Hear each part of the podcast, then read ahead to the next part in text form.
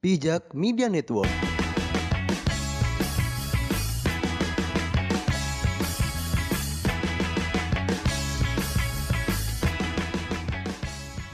Ya, selamat datang kembali di Ruang Hidup. Nggak tahu nih episode keberapa. Terakhir ini ya, terakhir tahun baru ya. Kenapa? Terakhir tahun baruan kita ya. Iya, tahun baruan di rumah dulu ya. Iya, udah sebulan berarti rekaman ini. Sekarang nyoba rekaman jarak jauh ini. Jogja Jakarta ini. Wih, kayak LDR. Apaan? ya kembali lagi bersama aku Dandi. Kan ini apa long distance rekaman. Loh, kenalan diri coy. Apaan? Oh, perkenalan Kenalan diri. diri. Ya, semua sudah kenal. Nama saya Ali.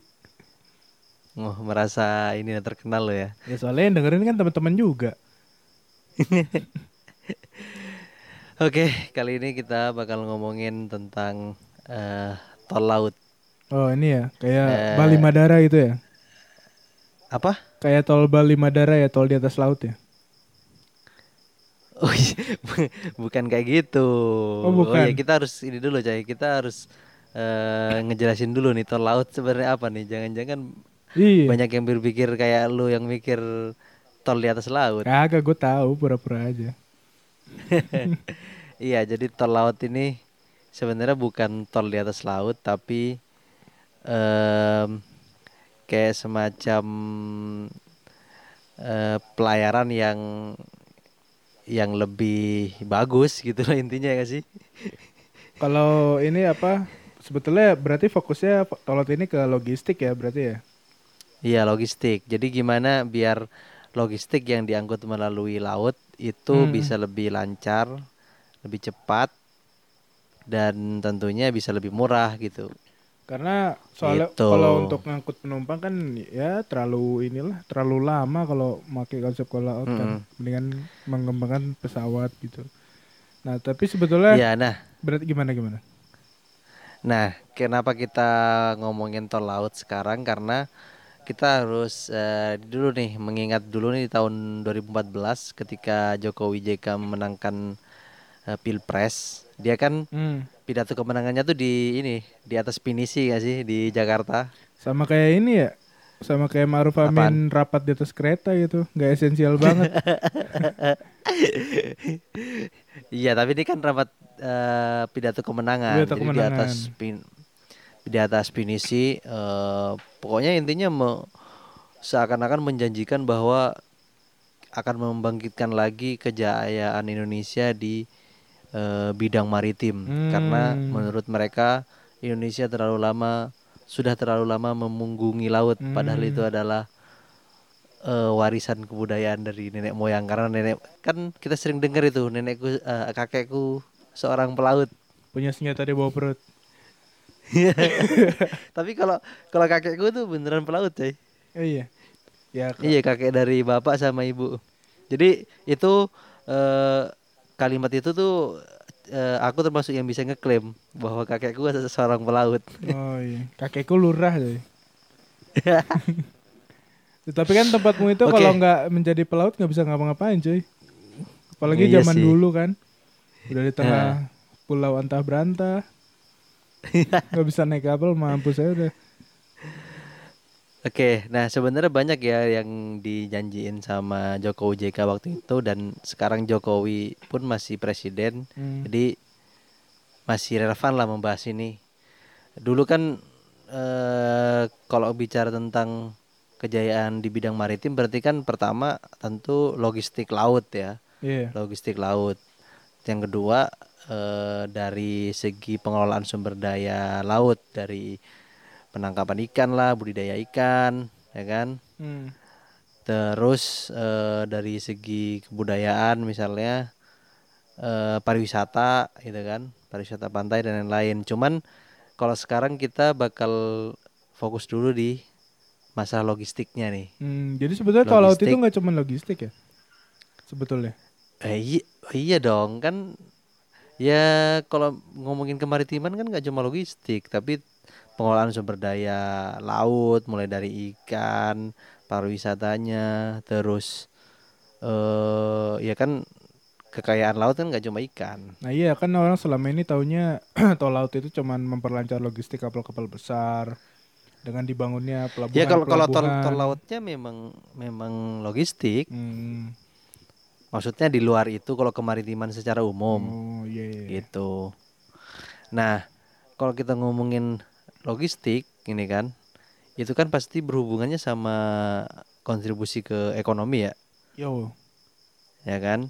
Nah, kalau kita ngelihat dari data BPS, Badan Pusat Statistik Hmm. eh, di tahun 2019 itu kontribusi eh, transportasi laut ke perekono- perekonomian nasional dihitungnya kan melalui PDB ya, produk do- domestik bruto. Hmm. Jadi kontribusi transportasi laut itu awalnya tuh 2014 itu 0,34 persen. Laut itu nih. udah termasuk, iya udah itu udah termasuk kecil. Nah di tahun 2019 turun lagi jadi 0,32 persen. Jadi makin nggak pakai laut gitu. Iya, jadi dulu tuh udah eh, kecil kontribusinya ke perekonomian.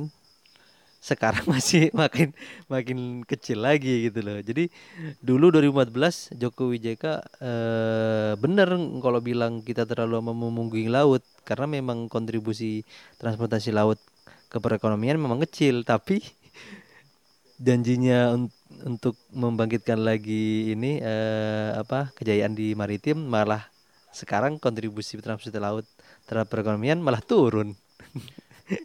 Nah, loh, gimana tuh? Soalnya kan gini ya. eh memang s- dulu zaman tahun tahun 1950 atau 1960 awalnya udah dibikin standar kan tuh akhirnya semua pengiriman itu sekarang pakai kontainer. Nah, sejak saat itu laut itu udah mulai memang benar jadi jantung perekonomian dunia gitu loh. Karena sekali kirim itu kan bisa ribuan kontainer dan itu kebanyakan juga bahan-bahan pokok gitu.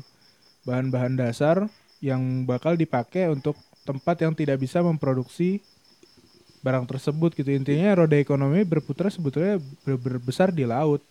Kalau kita ngomongin rel ngomongin jalan itu hanya sebagian kecil dia hanya menyalurkan dari tempat yang besar ke tempat-tempat yang lebih kecil Cuman kalau untuk tepatnya dari besar ke tempat yang besar, ya butuh eh, akan lebih efisien dengan laut gitu loh.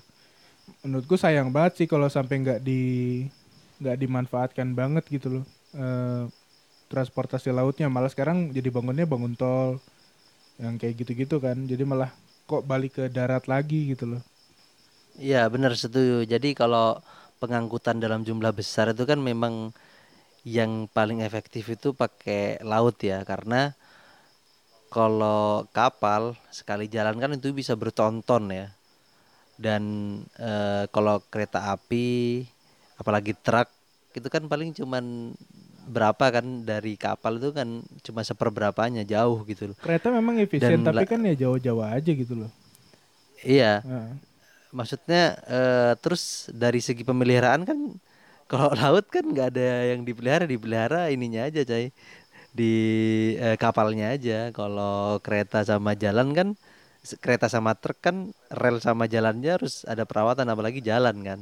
iya. Nah, eh, tapi sayangnya ya kayak kamu tadi bilang ini kan Indonesia kan sebenarnya lebih luas lautnya, ya kan?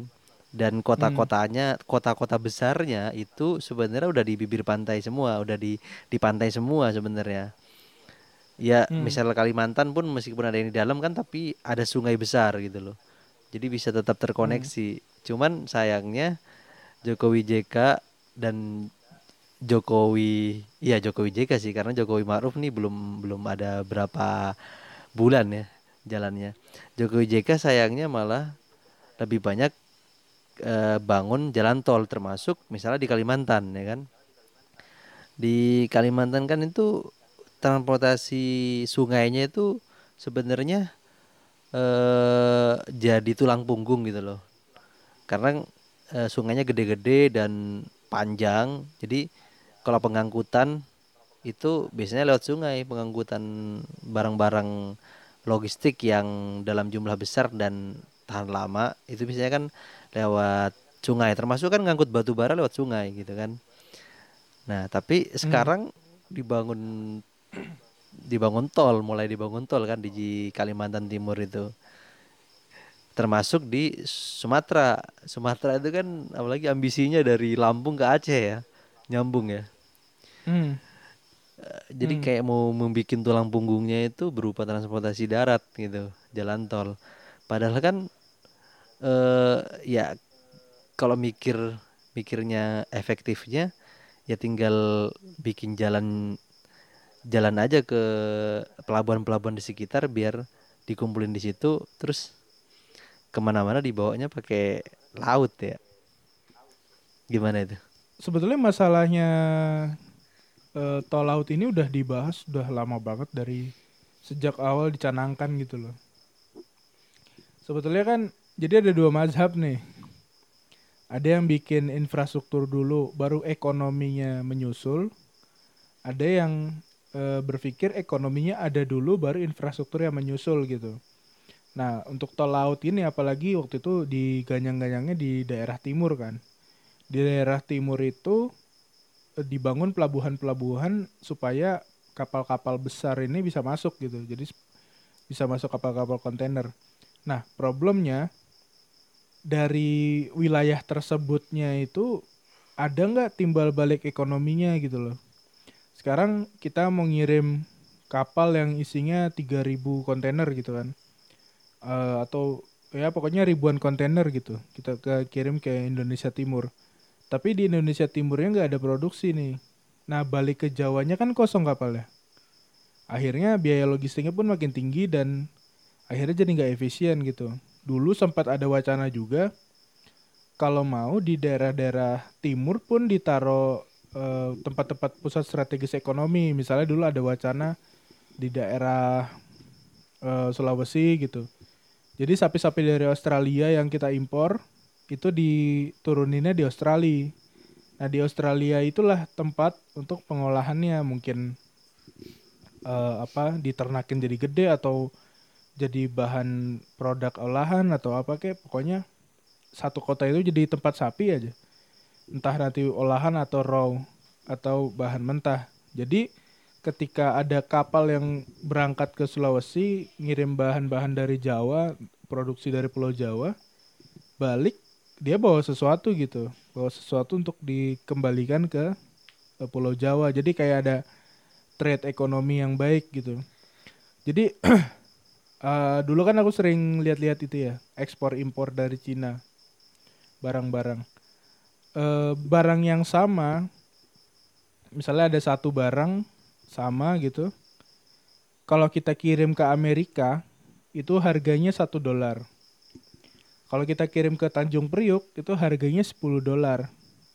Logikanya dari Cina itu kan cuman ngirim eh, perjalanan ke Indonesia cuman lewat Laut Cina Selatan kan atau Natuna Utara Hmm. kan. Maksudnya deket lah. Nah sedangkan ke Amerika harus lewat samudra yang luas luas banget gitu. Kenapa kok ke Amerika cuma satu dolar, ke Indonesia 10 dolar? Karena dari Indonesia kita nggak ngirim apa-apa gitu. Eh, kita ngimpor barang dari Cina entah elektronik entah apa, tapi dari kitanya itu nggak ngirim apa-apa ke Cinanya gitu loh. Jadi nggak ada nggak ada keseimbangan gitu. Mungkin hubungannya sama neraca dagang, tapi aku kurang ngerti juga kan. Mungkin itu contoh antar negara. Nah kalau antar pulau, antar provinsi ya begitu juga mungkin sama. Kita ngirim sesuatu apa ke sana, tapi sana nggak timbal balik ke kita gitu. Jadi kapalnya juga mungkin pada nggak mau. Gitu. Berarti bisa dibilang eh turunnya kecilnya kontribusi transportasi laut terhadap perekonomian ini juga bisa jadi tanda bahwa penggu, pem- eh, pembangunan ekonomi di Indonesia ini benar-benar belum merata ya.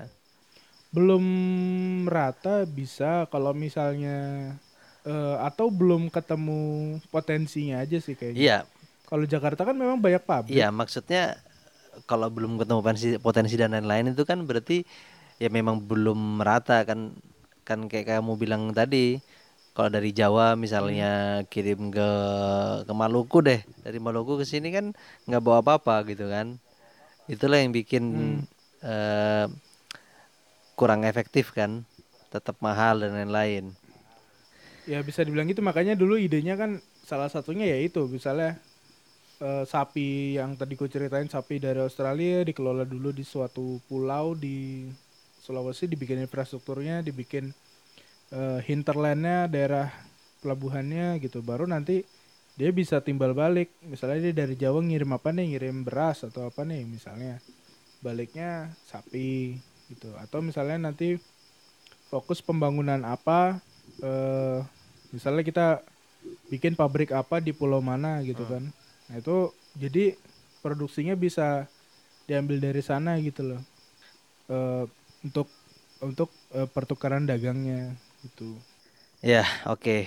Nah, eh selain transportasi darat, pembangunan tol dan lain-lain yang makin gencar, Jokowi JK kan juga eh banyak bangun bandara gitu kan. Hmm. Nah, itu juga bisa ditandai dengan kontribusinya terhadap perekonomian itu juga naik kalau transportasi udara. Dari 2014 itu 2,14, 2019 jadi 2,47 persen. Jadi, Hmm. eh, nah kalau transportasi udara, menurutmu eh bisa jadi ini nggak? Bisa jadi tumpuan logistik juga nggak? Soalnya kan eh sebenarnya kan tujuan pembangunan infrastruktur, kalau kita ingat-ingat lagi, eh, tujuan yang sering didengungkan oleh pemerintah kan eh, penurunan biaya logistik. Nah, Hmm. eh, realitanya eh, pemerintah itu banyak kan bangun eh, tadi jalan tol sama eh, transportasi udara, bandara dan lain-lain. Hmm. Nah, ini menurutmu cocok nggak kalau dibandingin dengan eh, cita-cita menurunkan biaya logistik kalau bandara gitu? eh menurutku sih ya, kalau untuk logistik secara mayoritas masyarakat kayaknya nggak begitu itu Eh, karena gini kan barang itu ada ya sebetulnya macam-macamnya ada banyak sih. Cuman kita kan bagi dua aja. Ada time sensitif ada yang non time sensitif kan? Hmm. time sensitif tuh buah surat gitu dulu yang butuh waktu cepat gitu. Kalau yang bukan time sensitif kan beras gitu yang tepung yang enggak yang enggak basi dalam waktu cepat gitu loh. Nah yang tidak time sensitif dan banyak itu kan biasanya komoditas batu bara beras minyak. Dia tidak terlalu time sensitif gitu loh. Nah itu cocok dikirim pakai eh, kapal. Sedangkan pesawat itu cocok untuk barang-barang yang eh memang time sensitif gitu. Misalnya obat obat apa obat yang memang dibutuhkan saat itu. Misalnya Cina udah punya obat anti corona nih terus Indonesia tiba-tiba amit-amit mau wabah corona gitu kan. Dikirim pakai kapal sebulan lah keburu meninggal kan orang-orang. Jadi makanya harus pakai pesawat gitu loh. Jadi kalau menurutku nggak begitu berpengaruh banyak gitu loh. Eh, frekuensi perjalanan pesawat kargo pun di Indonesia menurutku belum begitu besar sih. Kecuali mungkin di pedalaman yang eh, kayak Papua gitu kan memang dia tidak bisa diakses eh, selain udara gitu itu mungkin akan berpengaruh dengan logistiknya mereka cuman kalau untuk secara keseluruhan menurutku masih kurang sih dan costnya terlalu besar gitu untuk eh, perjalanan dengan udara. Makanya perjalanan udara tuh biasanya hanya paket-paket kiriman yang memang benar dikirim aja gitu. Atau misalnya misalnya punya ide nih bikin eh, bandara eh bukan punya ide sih udah terlaksana sih. Bandara di Pangandaran tuh yang punyanya Susi. Hmm. Nah, dia kan misalnya habis nangkep lobster gitu kan. Langsung dikirim ke Singapura, ke Malaysia langsung dari bandaranya dia gitu loh.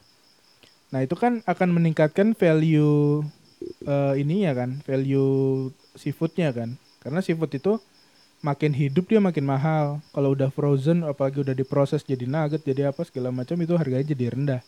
Cuma kalau fresh akan menjadi mahal. Nah, itu kan meningkatkan nilai logistik kan, nilai nilai ekonominya kan. Tapi kan tidak secara besar gitu, tidak secara makro untuk suatu negara gitu. Ya membantu sih, tapi nggak sebesar itu gitu.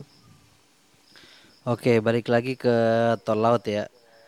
Ini kan sebenarnya kalau kita lihat e, beberapa tahun belakangan pembangunan pelabuhan sebenarnya cukup masif ya.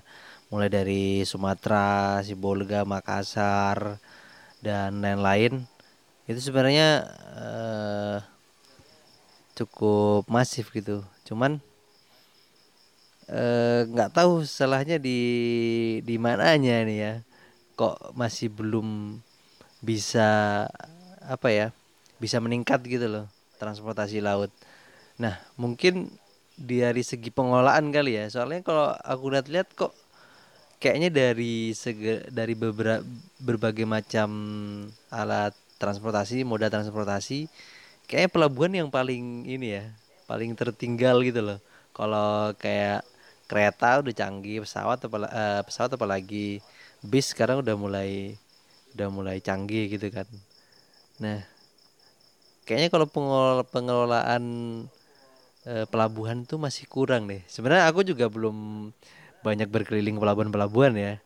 Cuman kalau tak lihat-lihat gitu loh pelabuhan yang pernah e, aku kunjungi gitu dari segi manajemen dan lain-lain tuh kok kayaknya ketinggalan gitu teknologinya gitu. Gimana? Mungkin biayanya kali ya besar banget kali ya. Karena dulu kan waktu kita kuliah pelabuhan ya kan ada capital dredging gitu. Harus ada pengerukan awal, terus harus apalagi kalau sial daerah coastal atau daerah pantainya itu landai. Jadi kan kedalaman yang di uh, yang dituju dapatnya jauh kan. Akhirnya harus reklamasi atau mengeruk gitu dan mengeruk di laut itu kan ya mahal banget gitu loh harganya. Mungkin karena kebanyakan karena biaya kali ya. Kalau pelabuhan sih ada yang keren, cuman lebih tepatnya belum merata ya. Kalau untuk Jakarta eh, Tanjung-Tanjung itu yang ada di Jawa sih menurutku udah bagus. Cuman pelabuhan-pelabuhan lainnya nih belum eh, sebagus itu gitu. Ya baik lagi mungkin karena biayanya terlalu besar sih. Tapi kalau daripada membangun stasiun atau rel Tapi kan kalau kayak duel tapi kalau kayak dwelling time di Tanjung Priuk, Perak gitu kayaknya masih tinggi deh. Itu kalau dwelling time itu karena apa ya? Uh, gak tahu sih, kayaknya kalau dulu kulihat-lihat sistem informasinya udah lumayan bagus gitu tentang hmm. bea cukai uh, dan aku juga sering sering lihat vlog-vlognya importir gitu loh.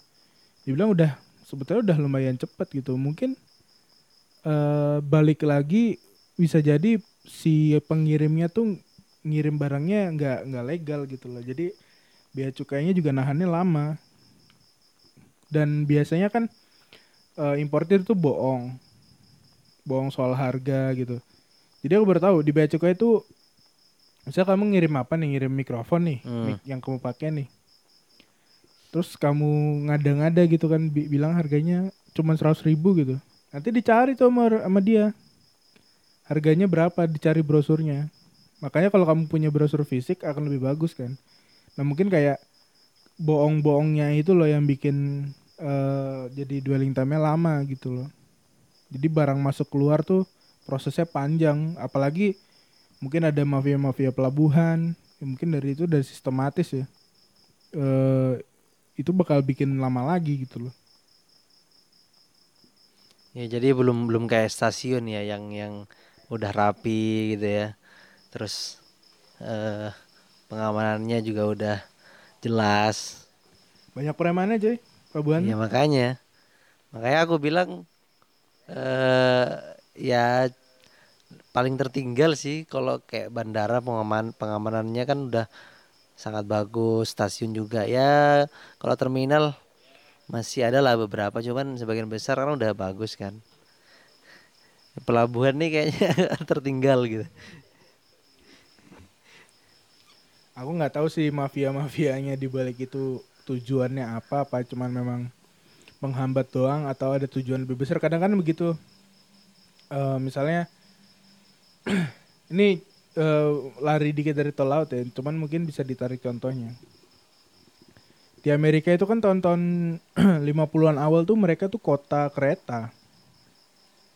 Tapi akhirnya ada mafia dari yang punya mobil apa punya oto, eh, perusahaan oto perusahaan minyak perusahaan aspal apa segala macam sampai bikin iklan coy.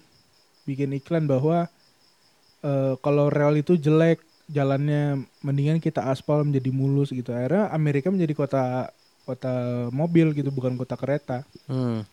di saat semua orang udah membangun kereta mereka udah terlalu terlambat gitu. Terlambat sih enggak cuman udah jadi mahal banget gitu. Ya mungkin di pelabuhan ada sesuatu yang apa eh, biasa lah. Mungkin kalau sistemnya udah online udah gampang ada mafia proyek yang nggak bisa dapat proyek lagi gitu loh. Ya teori konspirasinya gitu ya. teori konspirasinya gitu tapi ya mudah-mudahan makin dibersihkan sih orang-orang kayak gitu Tapi kalau dari pengalaman aku eh kalau pelabuhan misalnya yang ke pulauku itu ya, ya memang seperti itu sih. Mafianya banyak banyak banget gitu. Dan nggak jelas kan apa ya kayak nggak kayak kereta yang udah jelas kalau pesan tiket udah ada nomor nomornya di mana gitu kan. Terus cuman orang yang punya tiket yang masuk gitu-gitu. Ya kalau pelabuhan Sebetulnya kayak ini sih, kayak waktu zaman KAI baru berbenah itu loh. Nah, maksudku gitu gitu loh. Jadi KAI aja kan bisa gitu kan, stasiun bisa. Dari yang dulu kayak gitu amburadul nggak jelas. Jadi sekarang rapi banget kan. Dan maksudnya gini loh, perubahan yang dilakukan Jonan saat itu menurutku perubahan kultural kan. Nah, Karena secara teknis itu gampang cuy. Maksudnya kayak kita ngeliat eh kenapa nggak dari dulu kan maksudnya ini semudah itu ngurusnya sebetulnya. iya makanya kayaknya kalau zamannya Jokowi JK itu terlalu fokus di membangun infrastrukturnya aja gitu loh. Jadi membangun pelabuhan ya Hmm. kan. Terus Hmm. tapi nggak memperhatikan itunya. Kulturnya manajemennya dan lain dan lain-lain. Ya meskipun kamu bilang tadi sebenarnya secara teknis mudah cuman kan ya balik lagi. Jadi kan yang udah yang diurusin manusia gitu kan. Kalau cuman bikin pelabuhan kan ya udah benda mati di dikasih ke orang sipil aja udah gampang dia ngotak atiknya kan nah kalau udah berhubungan dengan mafia dan lain-lain itu lebih susah ya sih Makanya harus benar-benar kultur sih yang diubah sih. Apalagi kita ngomongin pelabuhan ya. Cuman ya susah juga sih karena eh apa ya? Sejarahnya juga memang kayak preman-preman gitu juga udah ada, udah ada dari zaman dulu gitu loh. Cuman dulu premannya preman doang, sekarang mungkin pemerintahnya ikut ikutan jadi preman gitu kan. ya walaupun nggak semua cuman kan eh kayaknya orang-orang perhubungan laut sering banget ditangkap nggak sih kena KPK gitu ya memang gitulah transportasi itu kita susahnya karena kita berhubungan dengan manusia sih. Makanya repot sebetulnya. Iya. Repotnya dalam sisi sosial ya gitu. Iya dan sebenarnya kan kalau aku lihat-lihat ya banyak yang sebenarnya nggak terlalu peduli sih sama sama pelabuhan ya. Karena dia merasa tidak berhubungan langsung dengan pelabuhan. Karena ke mana-mana naik kereta naik pesawat kalau udah beda pulau ya kan. Hmm. Cuman eh, ada yang tidak disadari bahwa eh, yang berpengaruh terhadap dia itu harga barang-barang ya nggak sih Iya.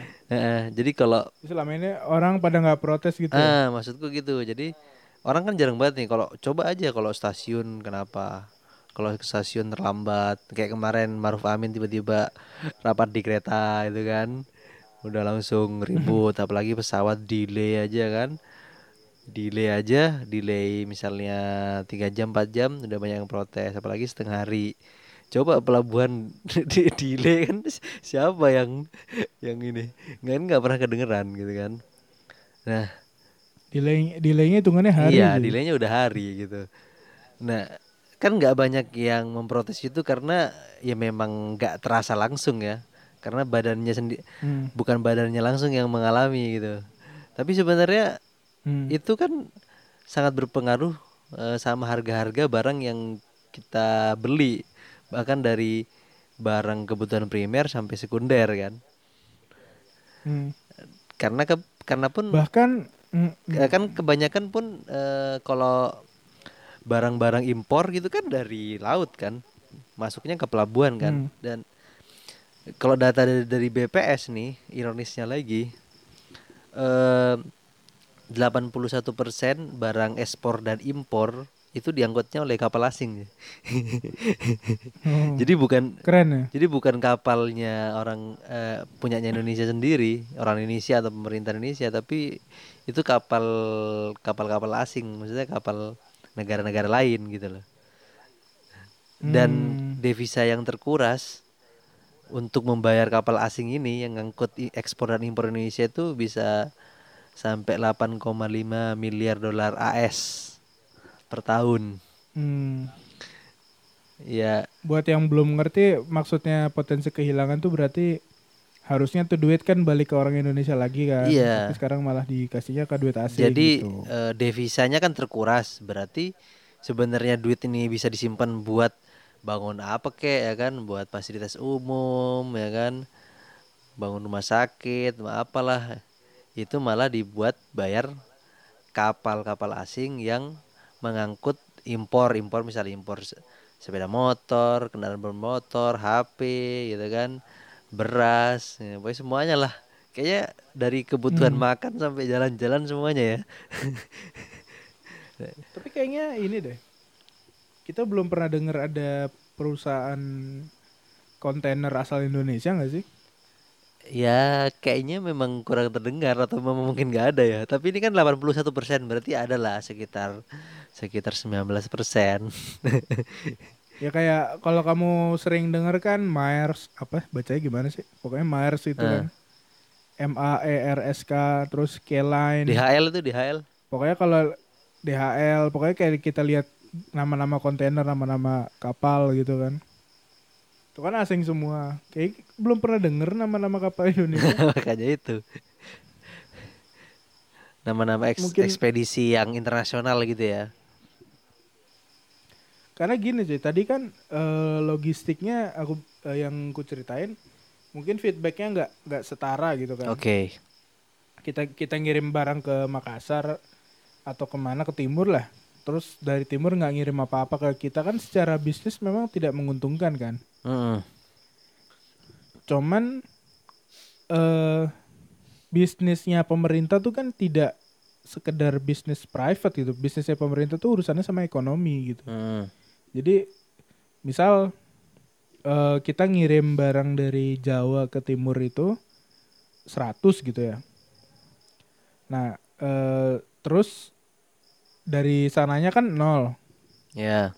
Sedangkan misalnya operating cost-nya 150 untuk pulang pergi gitu kan. Secara kapal kan dia rugi 50 kan harusnya. Mm.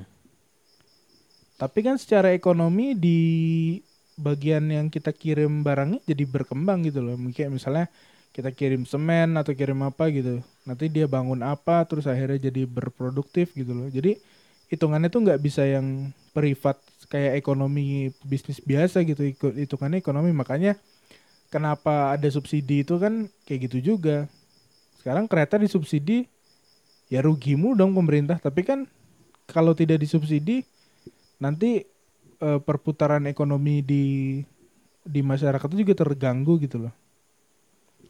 Jadi rugi di sisi satu spot bisnisnya cuman secara ekonomi berkembang gitu Masalahnya kalau tak ada lihat ya, eh, kenapa kayak yang kamu ceritain tadi mengirim mengirim barang ke daerah timur, daerah Indonesia Timur itu tidak dilakukan karena itu tidak mempercepat pertumbuhan ekonomi.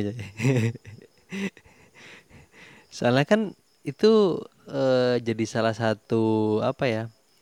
Salah satu ukuran keberhasilan pemerintah itu, pemerintah yang berkuasa ya pertumbuhan ekonomi. Kalau pertumbuhan ekonominya bagus, berarti banyak orang yang eh, akan terdampak ya dan kehidupannya jadi lebih lebih enak gitu kan. Nah, inilah masalahnya eh kan penduduk itu nggak merata gitu kan. Kebanyakan di Jawa. Nah, kalau Hmm. untuk mengejar mengejar pertumbuhan ekonomi yang tinggi itu ya di Jawa lah yang harus digenjot terus kan. Kalau tadi em, memprioritaskan pengiriman eh, barang-barang ke daerah Indonesia Timur itu ya memang di sana jadi bertumbuh tapi nggak signifikan sama pertumbuhan ekonomi. Memang lebih merata cuman pertumbuhannya jadi melambat gitu. Dan itu sesuatu yang buruk itu bisa gampang diserang sama oposisi gitu kan? Hmm. ya kalau realistisnya sih eh memang ya di Jawa aja. Makanya banyak yang dibangun transportasi darat. Kalau aku sih Tapi kemarin kan yang hasil laporan kenaikan ekonomi kan sebenarnya nggak naik-naik banget kan. mm, malah ini Atau jadi ya nggak mencapai target coy Cenderung sta- stagnan kan. Hmm. Tapi dibilang ada yang bilang juga sebetulnya itu bagus juga kalau dibandingin sama negara lain. Negara lain lagi pada turun, kita stabil aja gitu kan. Makanya pemerintah sebenarnya diem, jangan bikin aturan aneh-aneh pun stabil di 5% gitu loh. Ya stabil-stabil ntar turun deh. Ini aja kan yang yang Januari itu udah kan udah tidak memuaskan sebenarnya eh, outlook ekonominya. Ya mungkin ini kali ya. Mulai apa? Mulai mengurangi eh apa uang-uang yang terbuang gitu loh. Kayak uang negara kan habis buat gaji PNS gitu-gitu loh kayak. Sebetulnya prioritasnya bisa di shift gitu loh.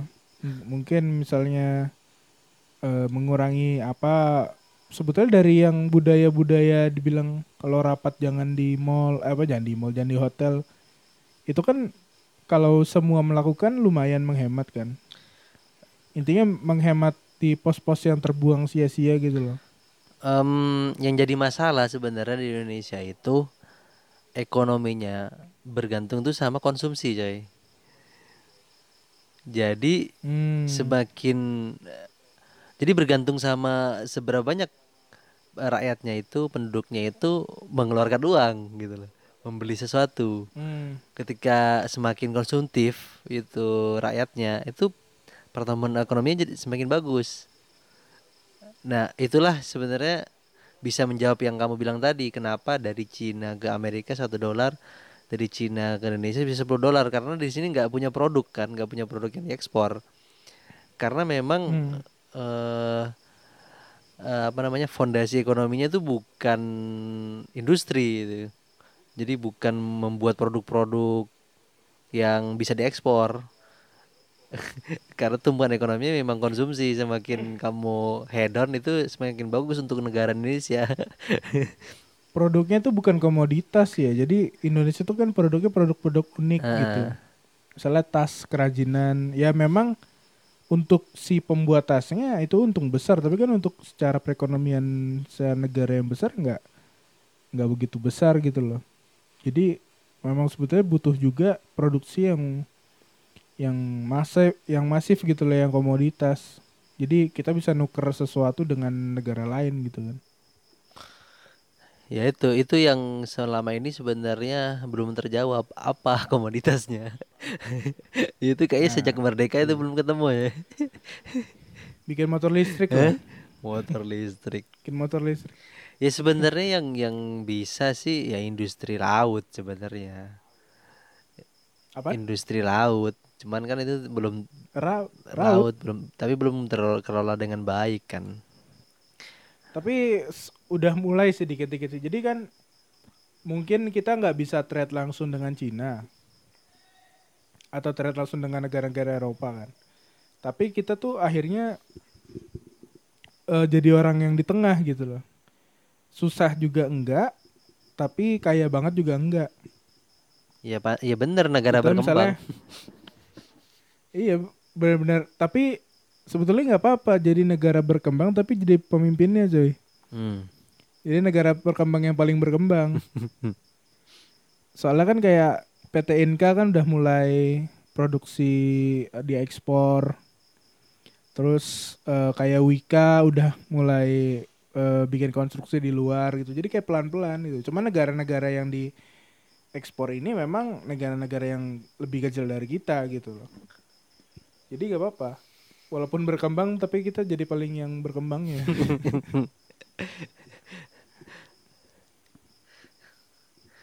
Kalau mau maju-maju banget juga bentar lagi juga kiamat buat apa kan? Ya udah. Tapi kan katanya fasenya masih lama nih. gini. Kan Apa? fasenya masih lama. Turun dulu Iya apa sih Imam Mahdi Dajjal itu masih lama. Ya kiamat bentar lagi tapi gue nggak ngerasain sih. Udah ya biar nggak panjang-panjang nanti melebar ke mana-mana, bosan dan lain-lain. Intinya gitu. Simpulkan sendiri apakah obrolan kita bermutu atau tidak. Oh iya yang mau update tentang pijak podcast bisa ini ya, bisa daftar di bit.ly slash pijak. Itu apaan tuh? Itu kalau kita daftar kita ngasih email doang, nanti dikasih update tentang artikel-artikel di pijak sama podcast sama kalau ada kita bikin uh, giveaway atau apa kayak gitu. Jadi nanti jadi yang per bisa di info dari situ. jadi nanti jadi yang pertama tahu ya kalau ada update-update dari pijak ya. Iya, kan kalau ngecekin kan kadang-kadang suka lupa. Nah, kita ingetin lewat email gitu. Hmm, apa namanya? Eh, ininya buat daftar? bit.ly slash pijak id. Oke. Nanti ada di ini ada di bio pijak.id. Ya, nanti eh tak taruh di Instagram @pijakpodcast dan ditaruh nanti di Spotify juga di apa deskripsi podcast ini. Oke, Oke, gitu aja dulu. Terima kasih Ali yang ada di Jogja. Di Jogja sekarang gimana kondisinya? Ya panas. Ya Jakarta belum banjir lagi.